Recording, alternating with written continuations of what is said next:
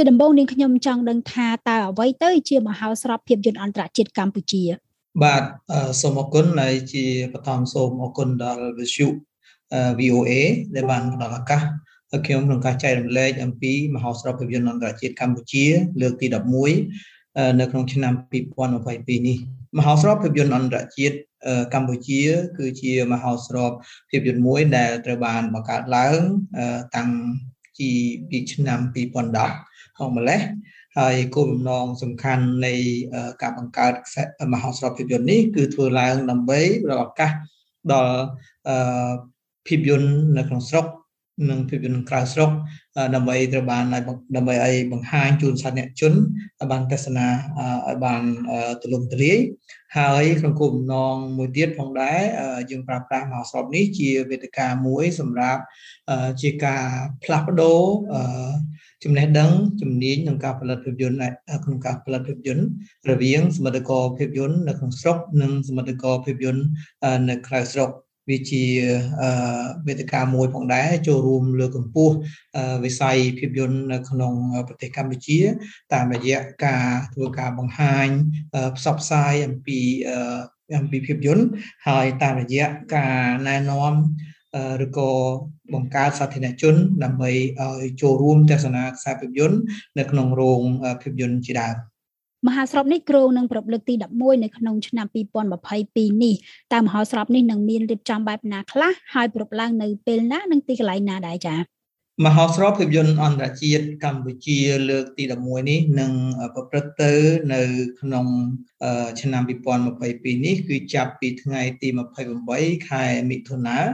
ដល់ថ្ងៃទី3ខែកក្កដាឆ្នាំ2022នៅក្នុងទីក្រុងភ្នំពេញយើងនឹងធ្វើឡើងនៅតាមបណ្ដារោងភាពយន្តមួយចំនួននៅក្នុងទីក្រុងភ្នំពេញក្នុងនោះរួមមានរោងភាពយន្ត Legend Cinema Major Cineplex Prime Cineplex រោងភាពយន្តនៅជាស្ថានសាបារាំងនៅមជ្ឈមណ្ឌលធនធានសទូបូផាណា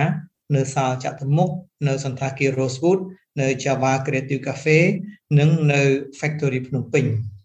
តើនឹងមានការបញ្ចាំងនៅភាពយន្តឬមួយក៏មានការបង្ហាញអំពីផ្ទាំងទស្សនីយភាពបែបណាខ្លះដែរចា៎មហោស្រព ភាពយន្តនេះយើងនឹងបើកសម្ពោធនៅថ្ងៃទី28នៅសាលចតុមុខនៅថ្ងៃទី28ខែមិថុនាហើយយើងនឹងនាំមកជូននៅកម្រងខ្សែភាពយន្តជាតិនិងអន្តរជាតិជាច្រើន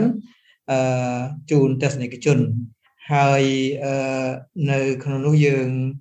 គេថាថាបង្ហាញជូនទាំងខ្សែភាពយន្តឯកសារទាំងខ្សែភាពយន្តប្រឌិតហើយជាឧទាហរណ៍នៅ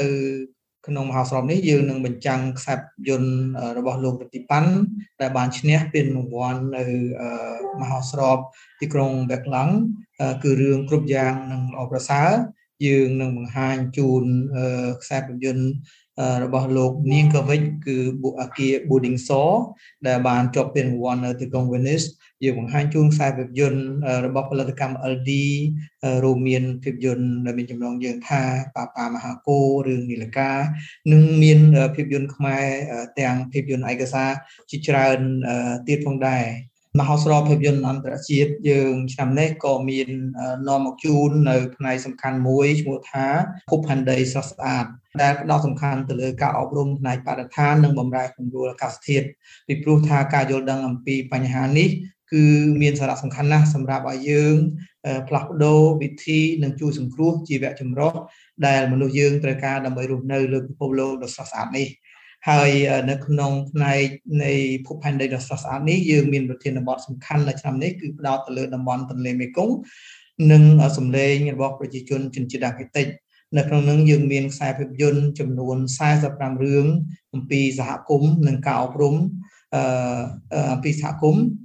និងការអប់រំផ្សេងផ្សេងទៀតអឺដែល ក្នុងមានយុវជនដែលជាអ្នករស់នៅតាមដងទន្លេមេគង្គចូលរួមធ្វើការផលិតភាពយន្តឯកសារស្ដីអំពី ទន្លេមេគង្គស្ដីអំពីសត្វព្រៃនៅតាមតំបន់ហ្នឹងផងដែរដែលក្នុងហ្នឹងយើងសរុបឃើញថាយើងមានភាពយន្តចំនួន10រឿងដែលនិយាយអំពីសត្វព្រៃនិងជីវៈចម្រុះភាពយន្ត20រឿងនិយាយអំពីជនជាតិដើមភាគតិចមានភាពយន្ត35រឿងអំពីសហគមន៍កម្ពុជា និងភាពយន្ត10រឿងទៀតនិយាយអំពីតំបន់ទន្លេមេគង្គដែរប៉ុន្តែមកពីតំបន់អាស៊ីអាគ្នេយ៍របស់យើង ហើយកម្មវិធីពិសេសនេះគឺធ្វើឡើងដើម្បីស្វែងយល់អំពីទន្លេមេគង្គហើយយើងធ្វើនៅថ្ងៃទី30ខែមិថុនានិងថ្ងៃទី1ខែកក្កដា នៅសាលមហោស្រពចតុមុខដែលមានការបញ្ចូលគ្នានៅការបញ្ចាំងខ្សែភាពយន្តធ្វើកិច្ចពិភាក្សាទៅលើប្រធានបទធ្វើការតាំងពិព័រណ៍និងវេទិកាជួបជុំដៃគូដែលធ្វើការងារអំពីរឿងទន្លេមេគង្គដែលដៃគូរបស់យើងមានច្រើនណាស់មានដូចជាអង្គការអុកស្វាមអង្គការ WWF Wonder of the Mekong Heinrich Böll Foundations ហើយនឹងដៃគូដទៃទៀតដែលខ្ញុំមិនបានរៀបរាប់ឈ្មោះអស់បាទ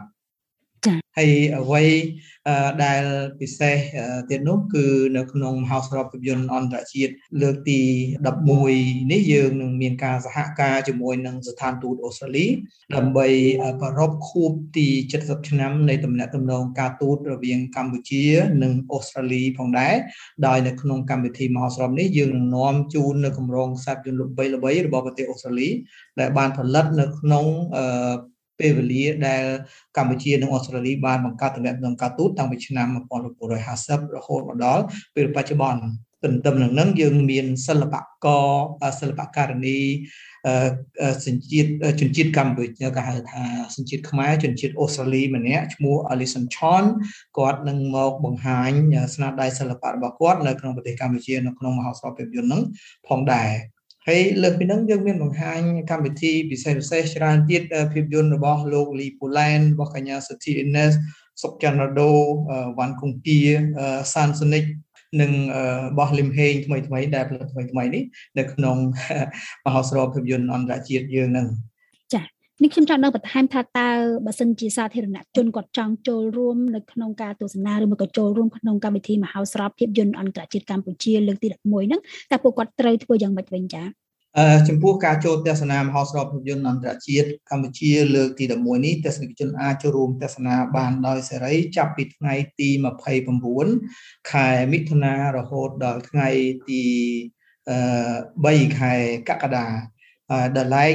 នៅថ្ងៃទី28គឺជាថ្ងៃបើកសម្ពោធមហោស្រពគឺថាទស្សនិកជនមានតែទស្សនិកជនដែលត្រូវបានអញ្ជើញតែមានលិខិតអញ្ជើញទេទើបអាចចូលរួមទស្សនាបានក្រៅពីនោះគាត់អាចចូលរួមទស្សនាដោយសេរីនៅគ្រប់រោងកុនដែលខ្ញុំបានបង្ហាញជូននៅខាងលើនេះបាទ ចា៎ដោយសារតែមហោស្រពភាពយន្តអន្តរជាតិកម្ពុជាគឺបានប្រពចំនួន10ដងរួចមកហើយលោកមើលឃើញថាមហោស្រពភាពយន្តអន្តរជាតិកម្ពុជាទាំង10ដងកន្លងមកនេះតើបានជំរុញឲ្យវិស័យភាពយន្តនៅកម្ពុជាយើងមានការផ្លាស់ប្ដូរឬក៏មានភាពប្រសើរឡើងបែបណាដែរចា៎ មហោស្រពភាពយន្តគឺជាផ្នែកមួយនៃកម្មវិធីដើម្បីជាផ្នែកមួយក្នុងចំណោមសកម្មភាពផ្សេងផ្សេងដើម្បីលើកស្ទួយវិស័យភាពយន្តនៅក្នុងប្រទេសកម្ពុជាក៏ដូចជាប្រទេសដទៃទៀតអញ្ចឹងមហោស្រពគ្រាន់តែជាវេទិកាមួយដាតួជួយផ្សព្វផ្សាយរីឯការជំរុញឲ្យមានកម្រិតកើនឡើងសន្ទុះកើនឡើងនៃ នៃវិស័យភាពយន្តនោះគឺមានកត្តាជាច្រើនទៀតក៏ប៉ុន្តែតាមការអង្កេតរបស់យើងកន្លងមកនេះមកតាំងពីយើងរៀបចំរយៈពេល10ឆ្នាំមកនេះយើងឃើញថាវិស័យភាពយន្តនៅកម្ពុជាមានការផ្លាស់ប្ដូរច្រើនមែនទែនយើងសម័យសម័យមើលកាលពីជាង10ឆ្នាំមុននៅពេលដែលមហោស្រពភាពយន្តកម្ពុជាបានបង្កើតឡើងគឺมันមានរោងភាពយន្តដោយពេលបច្ចុប្បន្ននោះទេគឺរោគគឺយើងធ្វើនៅរោងភាពយន្តលុចនៅអីដែរក្រោយមកយើងមានមហោយើងមានរោងភាពយន្តជាច្រើន មានតាំងពី major cineplex legend cinema គេនេះ prime cineplex គឺមានច្រើនមែនតើហើយទន្ទឹមនឹងនោះដែរក៏យើងមើលឃើញថា យុវជននៅក្នុងប្រទេសកម្ពុជាយើងក៏មានស្នាដៃក៏បានចូលរួមផលិតភាពយន្តនឹងច្រើនសន្ធឹកសន្ធាប់ដែរនេះមិនមែនមានន័យថាមហោស្រពនឹងជាអ្នកធ្វើឲ្យគាត់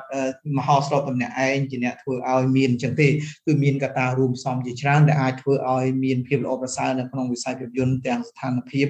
ស្ថិរភាពរបស់ ប្រទេសទាំងទីតាំងភូមិសាស្ត្រទាំងអីរឿងរ៉ាវទាំងអស់នេះសុទ្ធតែជារឿងដែលអាចចូលរួមជួយឲ្យវិស័យភាពយន្តនោះមានភាពល្អប្រសើរលើសពីនេះទៅទៀតវាមានរឿងជាច្រើនទៀតដែលគឺថាការបណ្ដុះបណ្ដាលយុវជនឲ្យមានជំនាញចំណេះក្នុងការផលិតភាពយន្តគឺជាចំណុចមួយសំខាន់ផងដែរក្នុងការធ្វើឲ្យមានការផ្លាស់ប្ដូរផ្នែក ផលិតភាពយន្តប៉ុន្តែជាវិជ្ជមានក្នុងរយៈពេល10ឆ្នាំចុងក្រោយនេះយើងមើលឃើញថាសន្ទុះនៃការផលិតភាពយន្តនៅក្នុងប្រទេសកម្ពុជា មានការកើនឡើងក៏ប៉ុន្តែជាអកុសលទេនៅក្នុងរយៈពេល2ឆ្នាំចុងក្រោយនេះដោយសារតែជំងឺ Covid-19 មិនថាតែអ្នកផលិតភាពយន្តឬក៏សិល្បករផ្សេងទៀតទេសិតតែជួបនៅបញ្ហាធ្ងន់ធ្ងរទាំងអស់គ្នាជាចុងក្រោយលោករំពឹងបែបណាពាក់ព័ន្ធជាមួយនឹងការប្រពនៅមហោស្រពភាពយន្តអន្តរជាតិកម្ពុជាលើកទី11នេះចា៎ ដូចជាសពដងដែរយើងសង្ឃឹមថាមហោស្រពភាពយន្តអន្តរជាតិកម្ពុជាលើកទី11នេះ នៅតែដើរតួយ៉ាងសំខាន់នៅក្នុងការផ្សារភ្ជាប់ទំនាក់ទំនងរវាងសមិទ្ធករឬក៏ផលិតករក្នុងស្រុកនិងក្រៅស្រុកដើម្បីជួបគ្នាផ្លាស់ប្ដូរយោបល់គ្នា នៅតែដើរតួជាវេទិកាមួយសំខាន់ក្នុងការផ្ដល់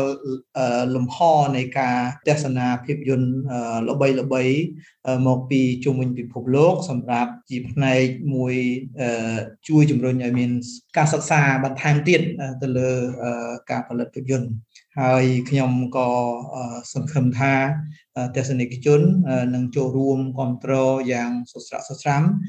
នៅក្នុងមហោស្រពឆ្នាំនេះ ហើយខ្ញុំជឿថាប្រកាសជាមានការចូលរួមច្រើនកកណាស់ពីព្រោះអីរយៈពេល2ឆ្នាំនៃអវត្តមានមហោស្រពឬសិល្បៈផ្សេងផ្សេងហ្នឹងធ្វើឲ្យទស្សនិកជនទន្ទឹងរង់ចាំចូលរួមទស្សនាមិនថាឡើយតែទស្សនាភាពយន្តទេសិល្បៈសម្ដែងផ្សេងផ្សេងក៏ជាអ្វីដែលទស្សនិកជនកំពុងទន្ទឹងរង់ចាំដូចគ្នា